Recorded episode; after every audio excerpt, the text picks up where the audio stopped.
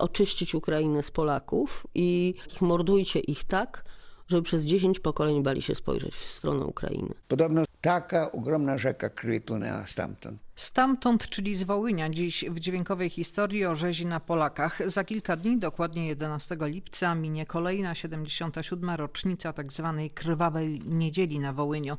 Był to punkt kulminacyjny masowej eksterminacji polskiej ludności przez organizację ukraińskich nacjonalistów oraz ukraińską armię powstańczą. Moimi gośćmi są historycy dr Andrzej Olejniczak oraz specjalista Jerzy Rudnicki z Instytutu Pamięci Narodowej we Wrocławiu. Dobry wieczór. Dobry wieczór, pani redaktor. Dobry wieczór państwu. Dobry wieczór. Korzystać też będziemy z naszych archiwaliów za strony tu.prw.pl. Za stołem realizacyjnym Anita Janczak, przed mikrofonem Alicja Mikłaszewicz. Zapraszam.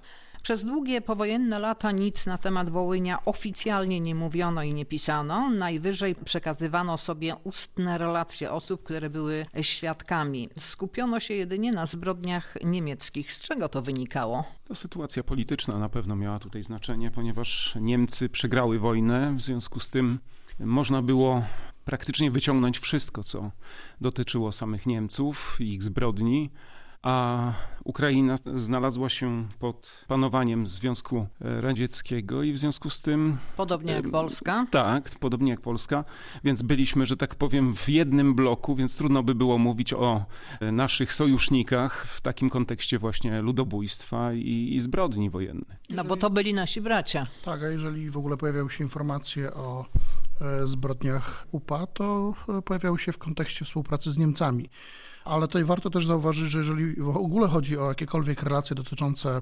działalności e, Armii Krajowej, czy w ogóle losów Polaków na wschodzie, to należy podkreślić to, że w ogóle działalność Armii Krajowej była postrzegana jako działalność przestępcza po II wojnie światowej.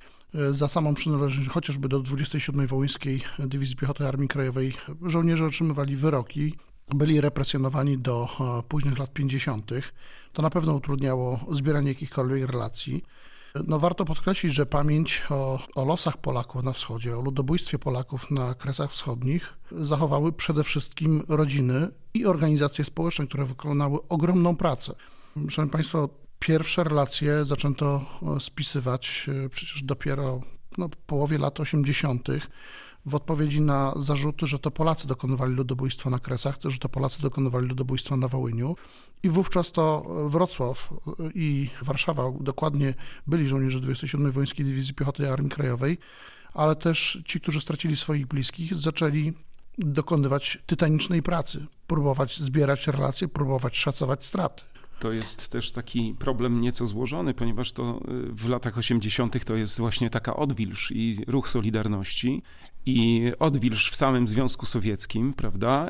Także to miało również wpływ na to, że zaczęło się u nas to zbieranie dokumentów, tak jak kolega powiedział. Ale ta wolna Polska po 89 roku też niewiele zrobiła, bo już chyba na początku lat 2000 był postulat, żeby jakoś upamiętnić ten dzień 11 lipca i zrobiono to dopiero w 2016 roku. Zgadza się. I znowu tutaj należy oddać szacunek dla tych, którzy doprowadzili do stworzenia tego święta, dla wszystkich e, anonimowych ludzi, którzy pisali, prosili, podpisywali petycje dla organizacji, dla stowarzyszeń kresowych, e, które upominały się o to święto. Tutaj pani dobrze podkreśliła, od 1989 roku również bardzo niewiele działo się, jeżeli chodzi o sferę tutaj państwa, instytucji państwowych, badań naukowych. Tak naprawdę rozpoczęło się to no, ostatnie 20 lat, które spowodowały, że Polacy wiedzą coraz więcej na temat losów Polaków na Kresach, coraz więcej na temat ludobójstwa Polaków. Myślę, że większość e, z nas już się spotkała z obchodami w takiej albo w innej formie upamiętnienia ofiar. Dość niezwykłe jest to, że y, mieszkańcy Dolnego Śląska o tym pamiętają i stawiają pomniki dla swoich bliskich, którzy zostali zamordowani czy na ziemi wołyńskiej, czy na Stanisławowskiej, czy Lwowskiej, czy Tarnopolskiej to przypomnijmy, 11 lipca jest Narodowym Dniem Pamięci Ofiar Ludobójstwa dokonanego przez ukraińskich nacjonalistów na obywatelach II Rzeczypospolitej. Zajrzyjmy do naszego archiwum na stronę tu.prw.pl, a tam mamy rozmowę z 1964 roku, czyli sprzed 56 lat, Magdaleny Bajer z byłymi mieszkańcami Kresów Wschodnich, którzy stracili syna z rąk Ukraińców. Wojska wioska była. A ruski mówią tak, wiecie co, Польська вioska trzeba milicji польskiej. Wyście się szczegli, bo bandery mogą padać. I tak zabrali ich. Nieraz w nocy przyjdzie taki obraz, on po lasach chodził gdzieś, kto wie, którędy. No nareszcie już już się zapisali na zachód. Mówi, Mańku, pożycz już ten karabin. Oddaj, pojedziemy już na zachód. On mówi, mamo, ja się boję, od nocy przyjdą, ty mnie zabiją. Wpadli bandery w nocy i była taka, ta uboczu przypuśćmy, jak tu my mieszkamy. Paru halów Polaków.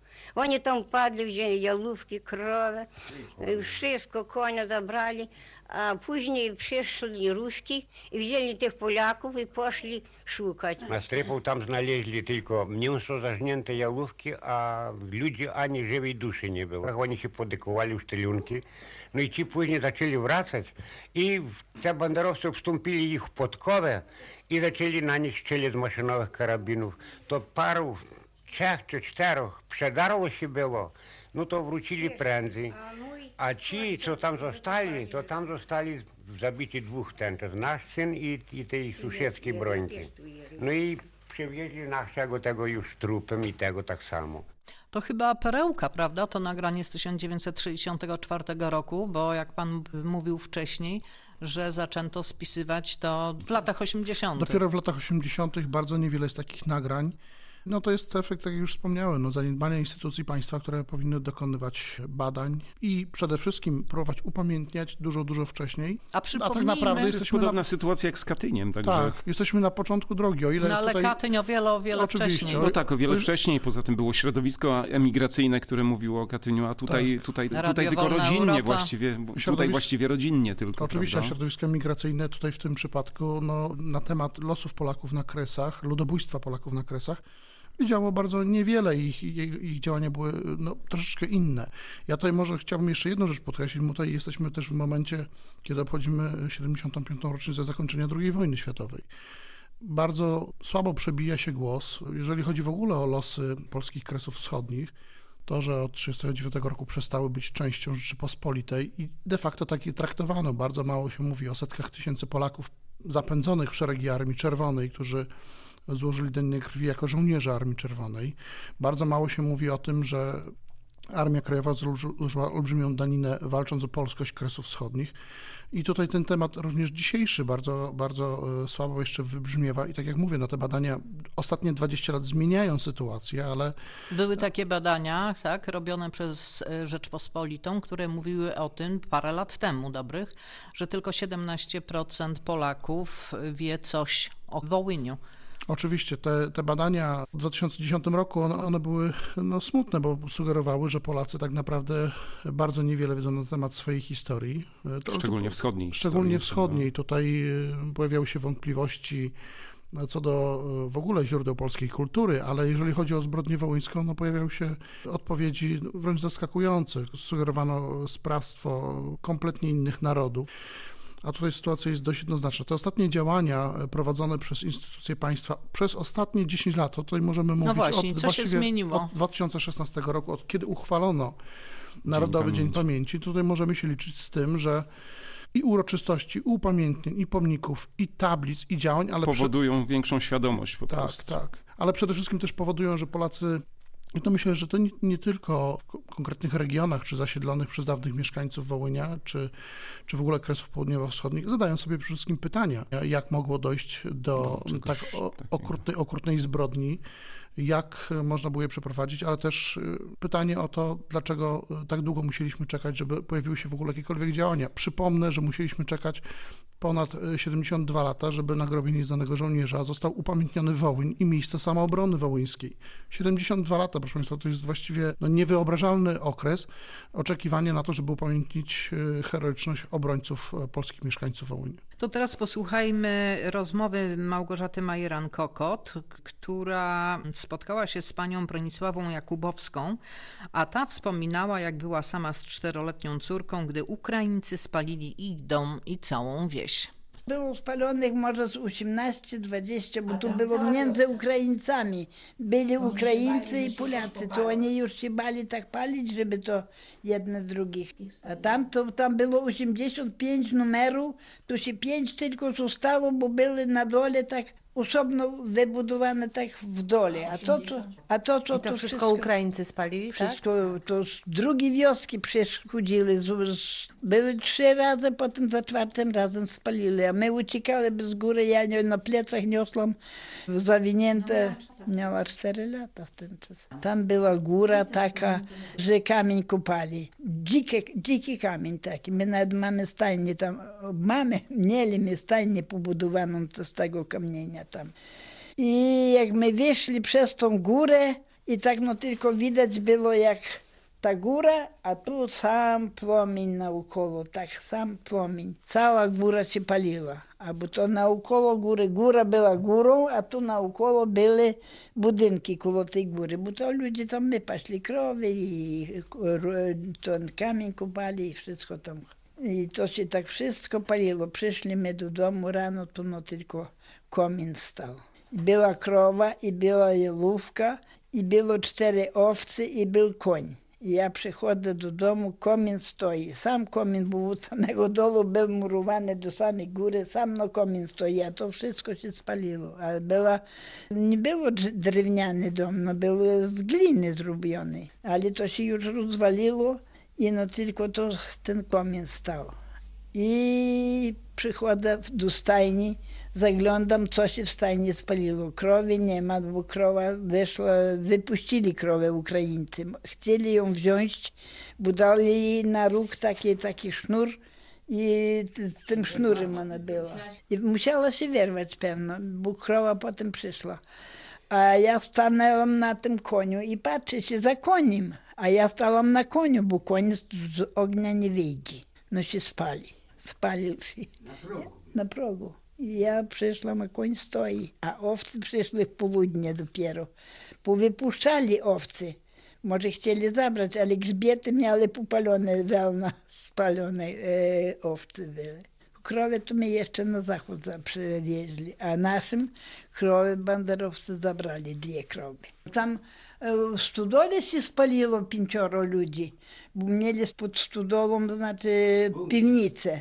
No i do tej piwnicy się pochowali, a stodola się paliła i oni się podusili, pięcioro ich, a, a mąż poszedł na wojnę i z wojny nie wrócili, cała rodzina poszła. W 1918 roku w państwie polskim odrodzonym znalazło się około 5 milionów Ukraińców, stanowiących około 16% wszystkich obywateli kraju ale już według spisu z 1931 roku województwo wołyńskie zamieszkiwało ponad 2 miliony osób i zdecydowaną większość stanowili Ukraińcy, prawie 64%. Przypomnę, że te dane z 18 roku mówią o 16%, a Polacy stanowili właśnie wtedy około 16%, dokładnie 15,6%. Ten spis z 1931 roku był przeprowadzony w taki sposób, że nie pytano o narodowość, tylko język, jakim się na co dzień po, posługuje i o wyznanie przede wszystkim. W związku z tym ta liczba zdecydowanie wzrosła też, dlatego że to byli tak zwani tutejsi i ci Poleszucy, Wołyniacy, którzy, e, którzy tak na dobrą sprawę nie mieli tej świadomości narodowej, odpowiadali tak, jak, e, jak, jaka była rzeczywistość, czyli posługiwali się językiem ukraińskim. W związku z tym do statystyki wciągnięto ich jako Ukraińców, prawda? Co się stało takiego, skoro oni żyli przez lata razem? Co takiego się stało, że doszło do takiej nienawiści, a to pociągnęło za sobą ludobójstwo. Pani, to jest chyba Polska tej... chyba też ma jakieś grzechy. Oczywiście. Znaczy myślę, że to jest też tajemnica zła. To dlaczego, dlaczego dochodzi do ludobójstwa i to jeszcze takiego okrutnego? Chyba, chyba nie jesteśmy w stanie zrozumieć takich przyczyn. Naprawdę to jest, przez wiele, wiele lat zastanawiałem się, no, jak było to możliwe, że kiedy sąsiedzi mordują swoich sąsiadów, że w rodzinach mieszanych syn morduje matkę tylko za to, że jest Polką, że można wzywać do wymordowania swoich sąsiadów, żeby Pan jeździł oczyścić. na te tereny, tak? Oczywiście, I oczywiście. I tutaj mogę, mogę powiedzieć, że jestem wstrząśnięty, jeżeli chodzi szczególnie nawet do dzisiejszego dnia o napotykanych świadków tamtych wydarzeń i tam mieszkających. Wstrząsające jest na przykład dla mnie to, kiedy y, trafiam do wsi, gdzie żyje jedna Polka, która mówi, to jest akurat Wolica y, koło Urmania, która mówi, że właściwie wieś została cała wymordowana, wszyscy mieszkańcy Polacy, ona była dopiero po ślubie miała dziecko, urodziła, z tym dzieckiem uciekła, uciekła do pobliskiego lasu, tam przetrwała do rana. Rano wróciła do wsi, pochowała wszystkich polskich mieszkańców i została w tej wsi. Mieszka do dzisiejszego dnia, opiekuje się grobami tych wszystkich pomordowanych i powiedziała taką smutną rzecz, że kiedy pytała się swoich sąsiadów, dlaczego to zrobili, powiedzieli, że do Polaków nad Wisłą to my nic nie mamy, ale was musimy tutaj wyciąć do nogi bo Ukraina musi być czysta jak łza. Wstrząsające relacje. Ja takich relacji spotkałem kilka, spotkałem taką podobną no właśnie na samym Wołyniu, w okolicach e, wsi Dermanka, gdzie mieszkanka Ukrainka pochowała swoich sąsiadów, Polaków. Wycięła właściwie napis na, na, na krzyżu takim alfabetem mieszanym łacińskim i cyrylicą mówiła, Polacy tu wrócą, muszą, musi być po nich ślad. Wróciła do, nich, do niej kiedyś wnuczka tych zamordowanych i była wstrząśnięta tym, że właśnie ta kobieta jako jedyna o tym pamiętała i jako jedyna ich upamiętniła, bo Polska nigdy się o to nie upomniała, Polska nigdy nie dokonała żadnych badań. Ale wracając do pani pytania, jak doszło do tego, że... W pierwszej Rzeczpospolitej to żyliśmy rzeczywiście jak bracia. Chociaż myślę, że też nie idealizujmy. Nie idealizujmy ani pierwszej, ani drugiej Rzeczypospolitej. Ale było lepiej. Przede wszystkim e, w pierwszej. My mamy spojrzenie na e, państwo polskie takie dzisiejsze. Tak, patrzymy oczami człowieka XX wieku. Tak, my nie rozumiemy, że tamta Rzeczpospolita to był e, kompletnie inny świat, wielonarodowościowy, wielokulturowy, wieloreligijny. Tak. Oczywiście Polacy odgrywali rolę dominującą, być może jako inteligencja, no nie być może, oczywiście odgrywali rolę dominującą, ale polskość jawiła się jako powiew cywilizacji, wszystkie elity rusińskie, bo wtedy to, mhm. to są tereny Rusi, dawnej Rusi kijowskiej. W związku z tym wszystkie elity mówiły po polsku, książęta, wszyscy możnowładcy, magnateria późniejsza Rzeczpospolitej, prawda, tak. wywodząca, się, wywodząca się właśnie z tych, z tych ziem, mówiła po polsku. Zostali zupełnie spolonizowani, tak na dobrą sprawę. Nawet sami kozacy w części byli spolonizowani, prawda? I co się stało? Znaczy, jeżeli chodzi właśnie tutaj, wracając do pytania o drugą Rzeczpospolitą, myślę, że takim momentem chyba przełomowym był ten rok 1918, e, kiedy to Ukraińcy, szczególnie na terenie dawnej Galicji, próbują tworzyć państwo ukraińskie i tą stroną, która zatrzymuje powstanie państwa ukraińskiego, są y, Polacy, którzy stworzą własne państwo. To było nieszczęście to, że mieszkali na jednym terenie. Te dążenia do utworzenia państwowości polskiej, państwowości ukraińskiej. Myślę, że to jest taki moment y, kluczowy, żeby zrozumieć y, dramat ludobójstwa Polaków na Kresach. To jest chyba pierwsza rzecz. Drugą rzeczą, którą e, warto podkreślić, druga rzecz pospolita, my często ją idealizujemy jako państwo idealne, ale należy też podkreślić, że ona powstawała e, no właściwie z niczego. Terenami najbardziej zniszczonymi po I wojnie światowej i po wojnie polsko-bolszewickiej były tereny Kresów, Oczywiście. które poniosły największe straty gospodarcze, materialne, ludnościowe, gdzie e, właściwie oświata no prawie że nie istniała. I myślę, że to jest y, klucz do zrozumienia tego, co działo się na Kresach. Kiedyś jeden z historyków bardzo ładnie napisał, te kresy marzeń powstawały, ale nigdy nie powstały. Powstawała polska administracja, powstawały nowe polskie osady, chociażby tak. pojawiało się nadawnictwo ziemi, ale należy podkreślić, że w Polsce też istnieją spór, jakie to państwo ma być. My ciągle mamy ten spór, jaka jest Polska naszych marzeń. Tam też pojawiał się spór, czy to będzie Polska narodowościowa, czy to będzie Polska e, federacyjna. Tak, gdzie... były nawet modele, pewne modele integracji narodowościowej, e, asymilacji, prawda, e, z których odchodzono w czasie tego dwudziestolecia międzywojennego. Początkowo próbowano właśnie zasymilować te mniejszości narodowe, dając im dostęp do szkolnictwa, do języka urzędowego. Przecież tam na wschodzie właśnie w pewnym momencie język ukraiński był równorzędny z językiem polskim. Dopiero z czasem zaczęto odchodzić od tego modelu. To się też wiązało z tym ruchem nacjonalistycznym ukraińskim, który powstawał, z organizacjami terrorystycznymi, które wówczas powstały. Może one nie były e, silne i nie dokonywały spektakularnych działań, ale były takie działania, choćby śmierć e, ministra Pierackiego, prawda?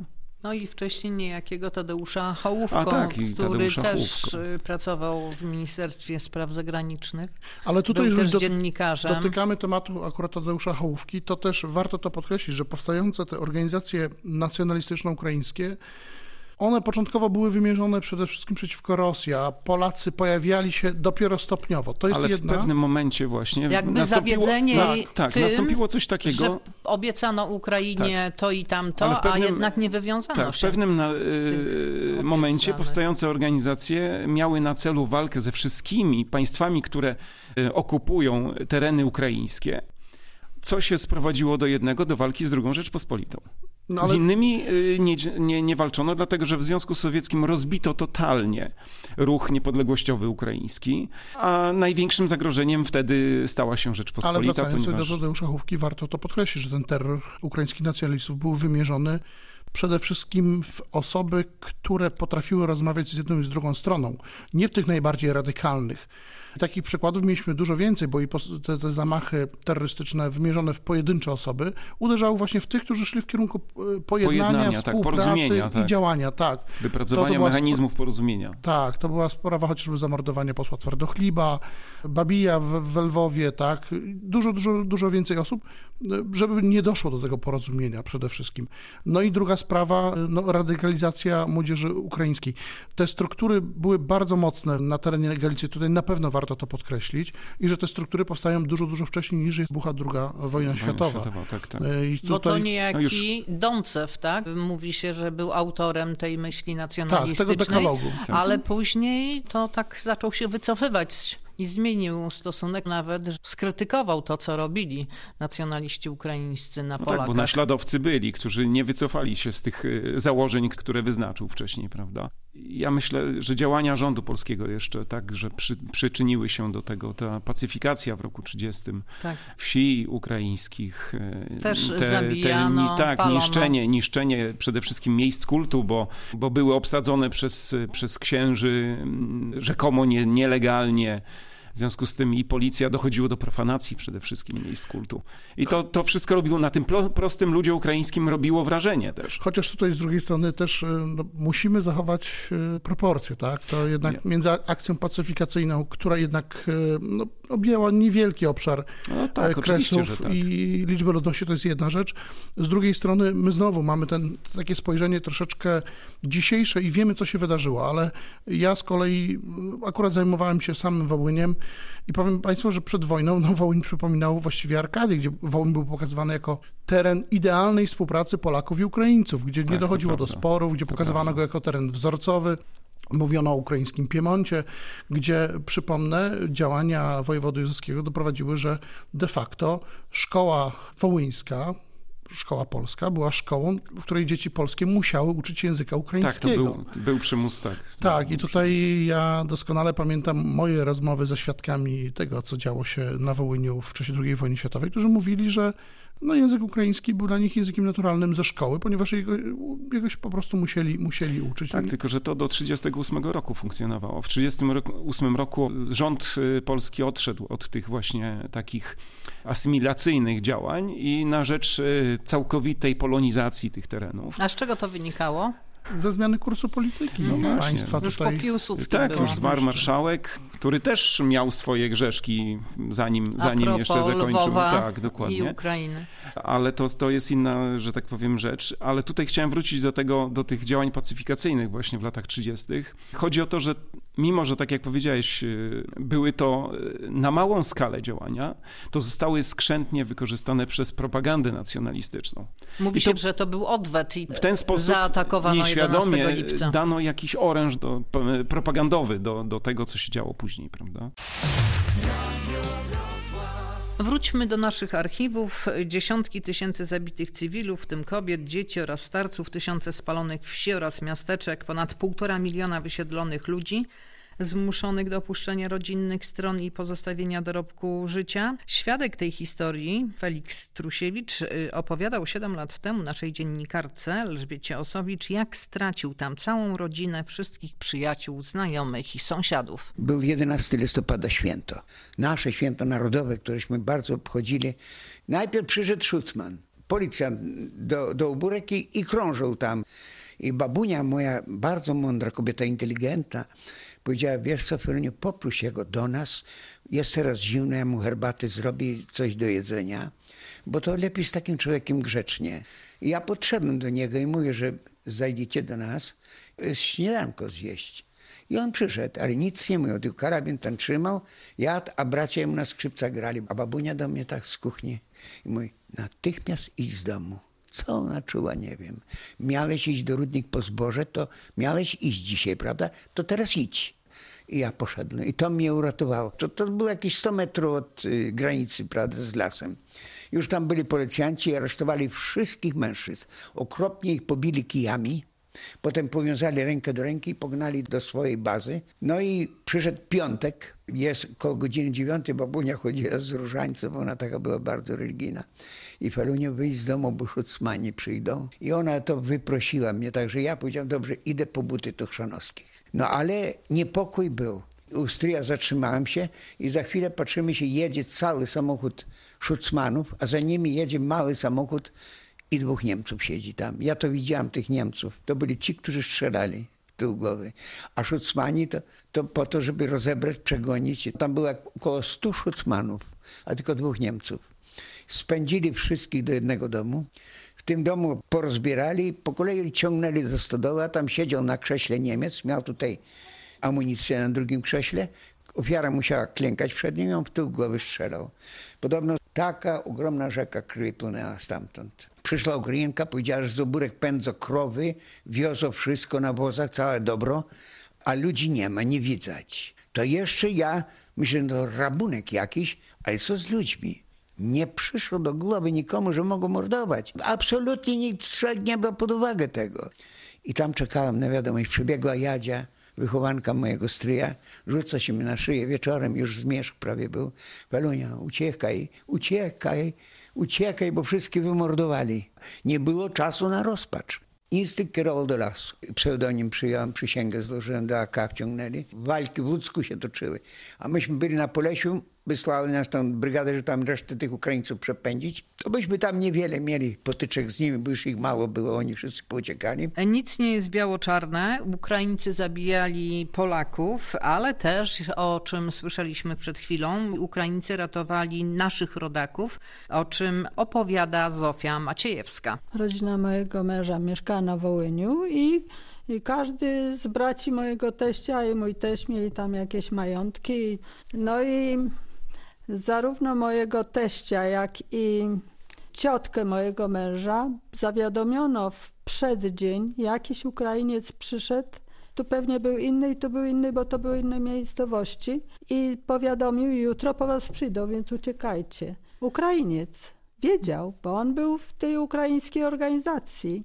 Zdradził swoich, ale Ci swoi się o tym nie dowiedzieli na szczęście. I zarówno rodzina mojego męża, jak jego ciotki i, i różnych innych po prostu dowiedzieli się o tym i zorganizowali sobie wóz z koniem, na który powrzucali meble i uciekali na stronę zachodnią i jak to dotarli do granicy, do jakiegoś miasta, w tej chwili nie przypominam jakie to było miasto, tam za wódkę i za pieniądze wynajęli sobie od kolejarzy jakieś część wagonu towarowego.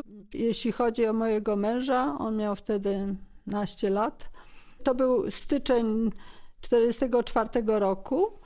I, I tą ich ucieczkę jakoś nadzorowali, jednak Niemcy pozwalali uciekać. Tylko nie wolno było brać żadnych zwierząt ze sobą, kozy, krowy, psa, żadnych takich. A, a rodzina mojego męża wzię, wzięła sobie kozę po to, żeby mieć mleko dla dzieci. Dzieci były małe, prawda? I i ta koza zameczała. Jak gdzieś tam stali na postoju, koza zameczała. Niemiec usłyszał i pytał się mojego teścia, a co tutaj wiedziecie?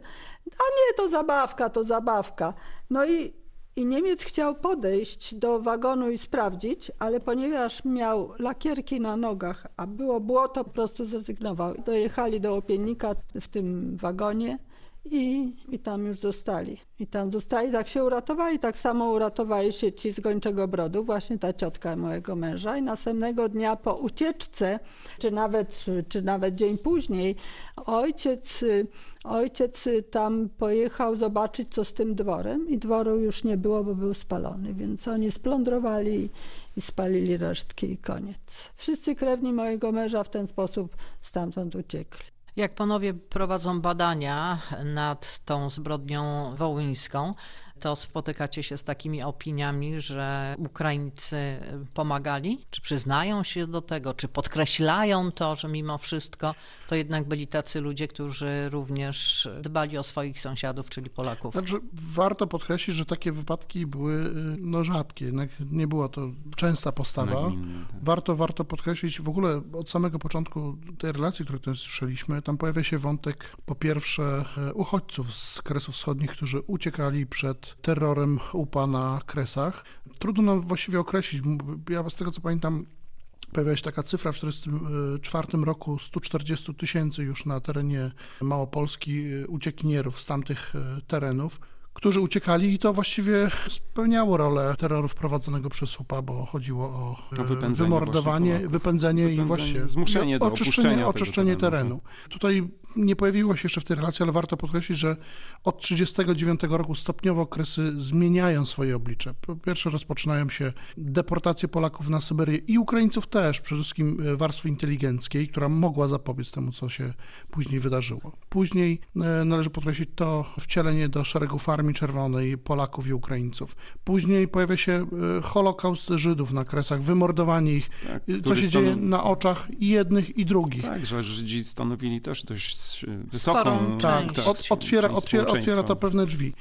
Tutaj pani zadała pytanie o sprawiedliwych Ukraińców. Oczywiście, tak jak mówię, no, zdarzały się takie przypadki, ale to były przypadki Jednostkowe. jednostkowe.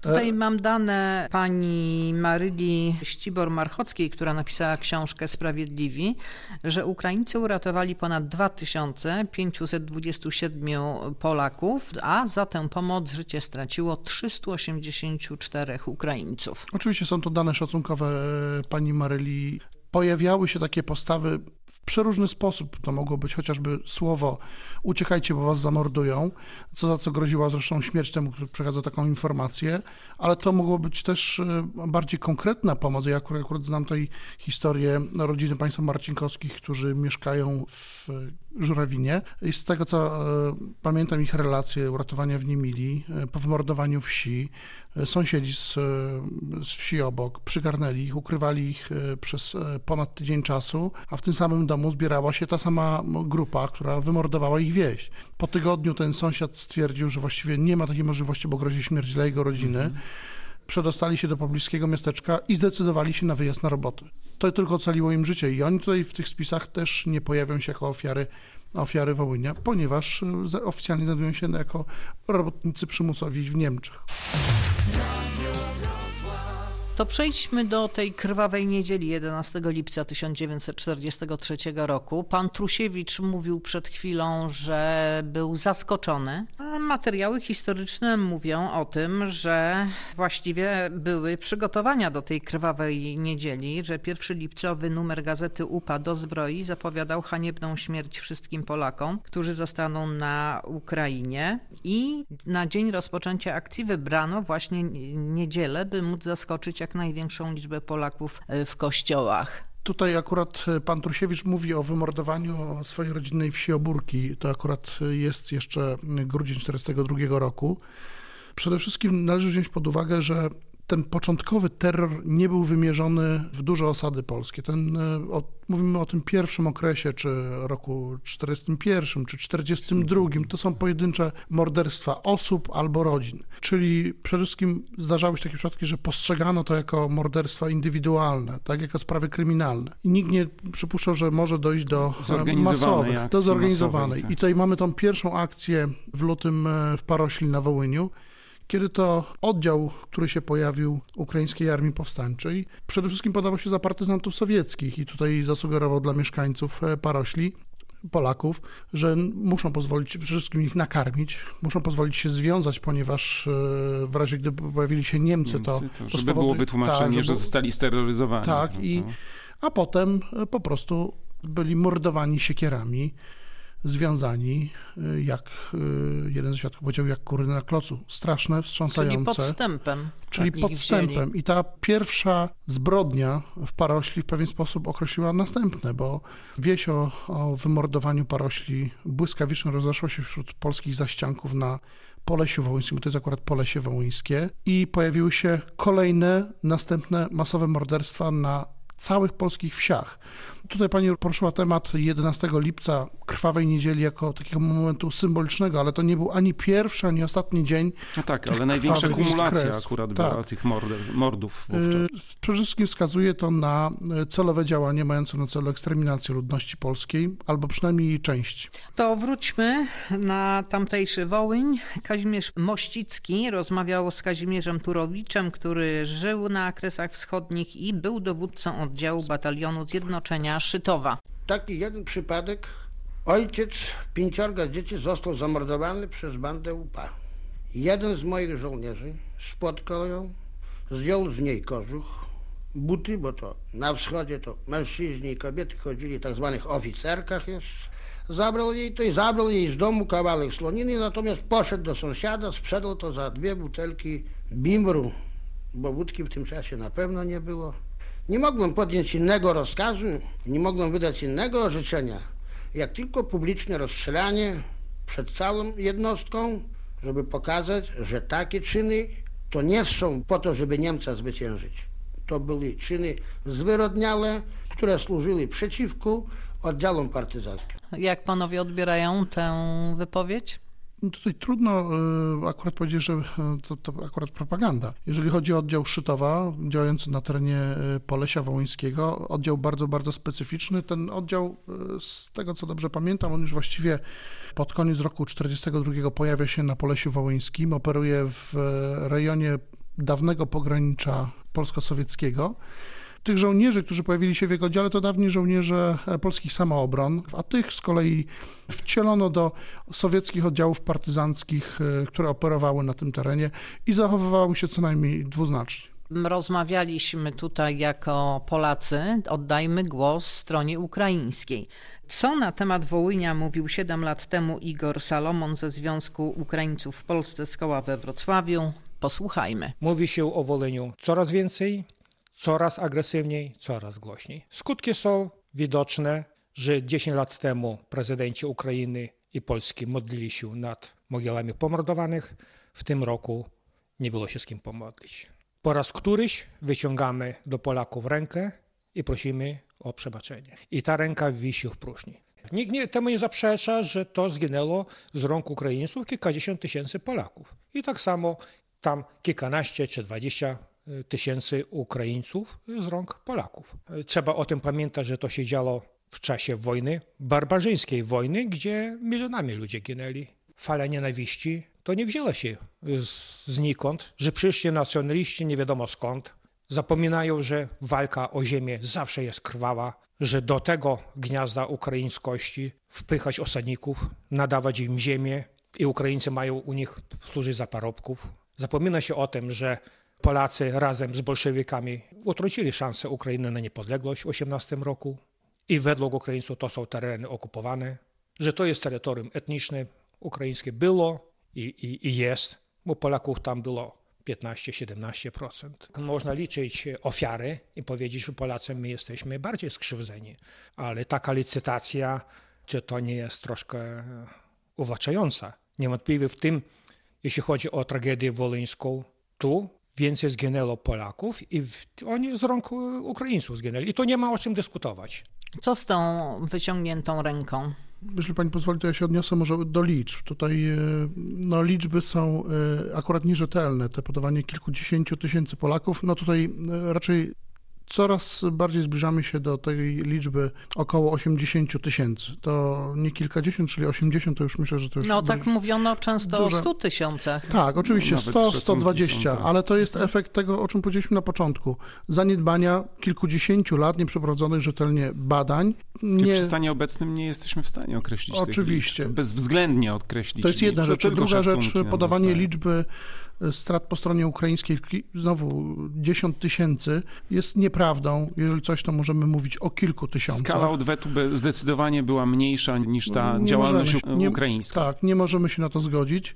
Z drugiej strony, y, jeżeli chodzi o wyciągniętą rękę, no pojednanie nie polega na zapominaniu. Wybaczać y, oczywiście Należy. to jest sprawa też indywidualna, to Tak. przede wszystkim dotyczy ofiar, rodzin, ale jeżeli chodzi o pamięć, no tutaj no w żadnym wypadku nie możemy się zgodzić. pojednanie ma, ma, ma polegać na zapomnieniu tego, co się wydarzyło, bo nie można o tym zapomnieć. I dokonywanie przede wszystkim tak okrutnego e, czynu, jakim było ludobójstwo na Kresach, bo jednak to jest e, klasyfikowane jako ludobójstwo okrutne, no nie może być usprawiedliwieniem jakichkolwiek tutaj e, celów czy przesłanek, nawet jak najbardziej szczytnych. Nie poza, możemy się na to zgodzić. Poza tym chciałbym jeszcze sprostować jedną pewną informację, którą przekazał pan Salomon, że Polaków było tam 17%. Dotyczy to tylko terenów wiejskich, bo miasta wszystkie większe jednak, tak jak główne miasto Lwów, no żywioł polski przeważał. To było około 70% mieszkańców i inne większe miasta w ogóle Kresów Wschodnich.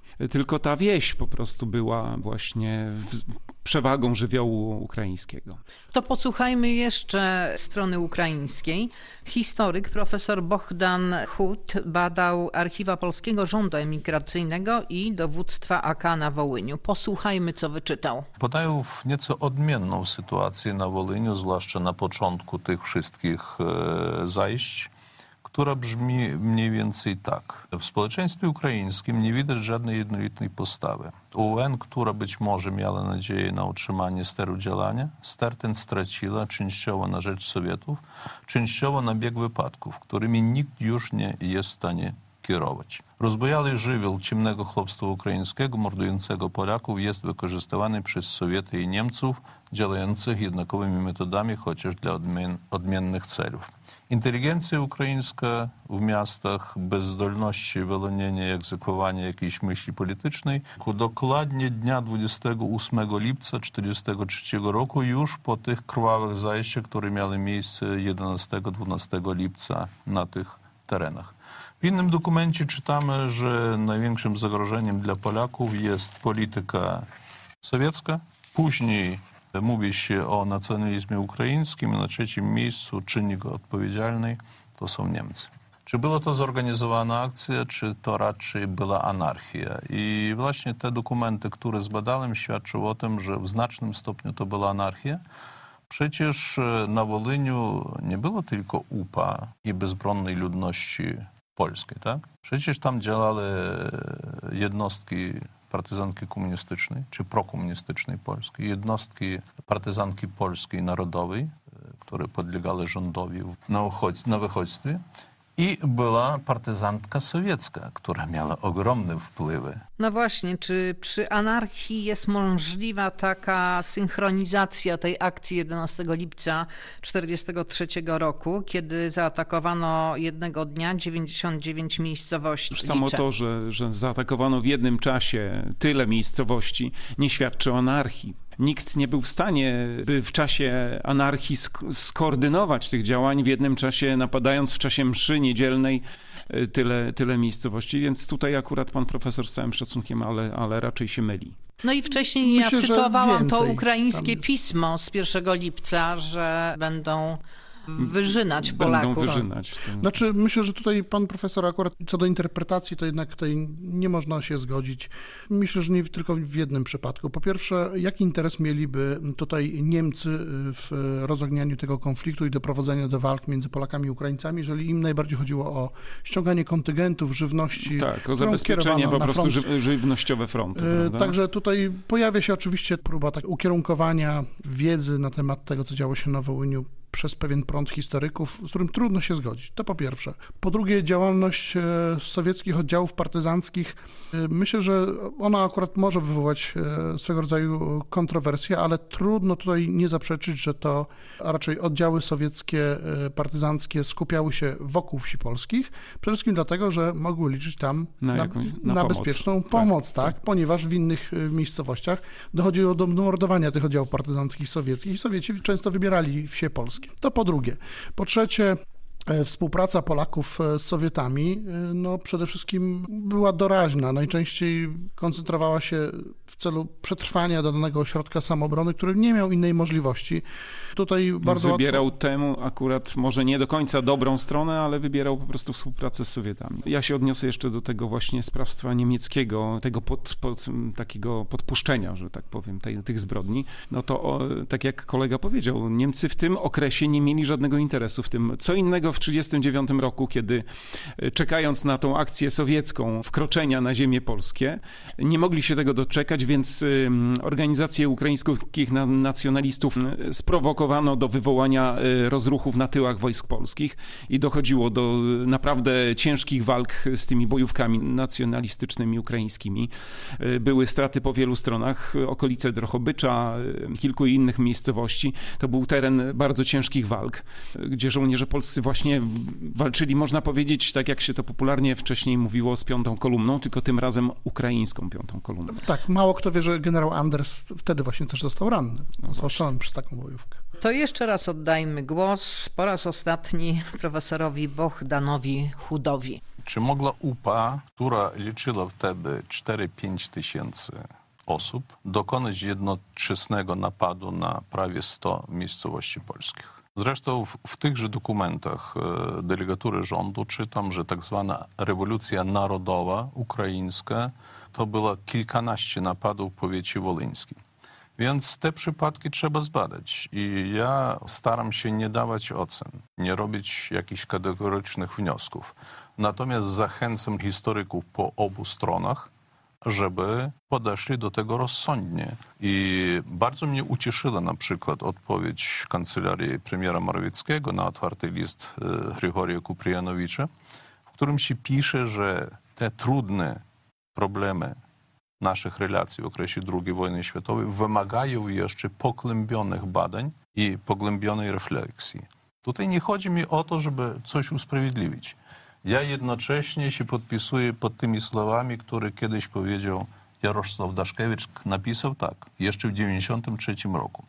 Nie ulega wątpliwości, że ukraiński terror lat 1942-44 w stosunku do polskiej ludności Ukrainy Zachodniej, nawet jeśli próbowano tłumaczyć go ideami zemsty za polskie krzywdy, prowokacjami niemieckiej i rosyjskiej stron, współpracą Armii Krajowej z komunistyczną Rosją itd., tak zasługuje na surowe i bezwarunkowe potępienie. To jest moja pozycja, to jest pozycja wielu ukraińskich historyków. Musimy tylko zbadać, co było i kto ponosi odpowiedzialność za inspirację tego chłopstwa, a udział chłopstwa jest sprawą, którą podejmuje nie tylko strona ukraińska.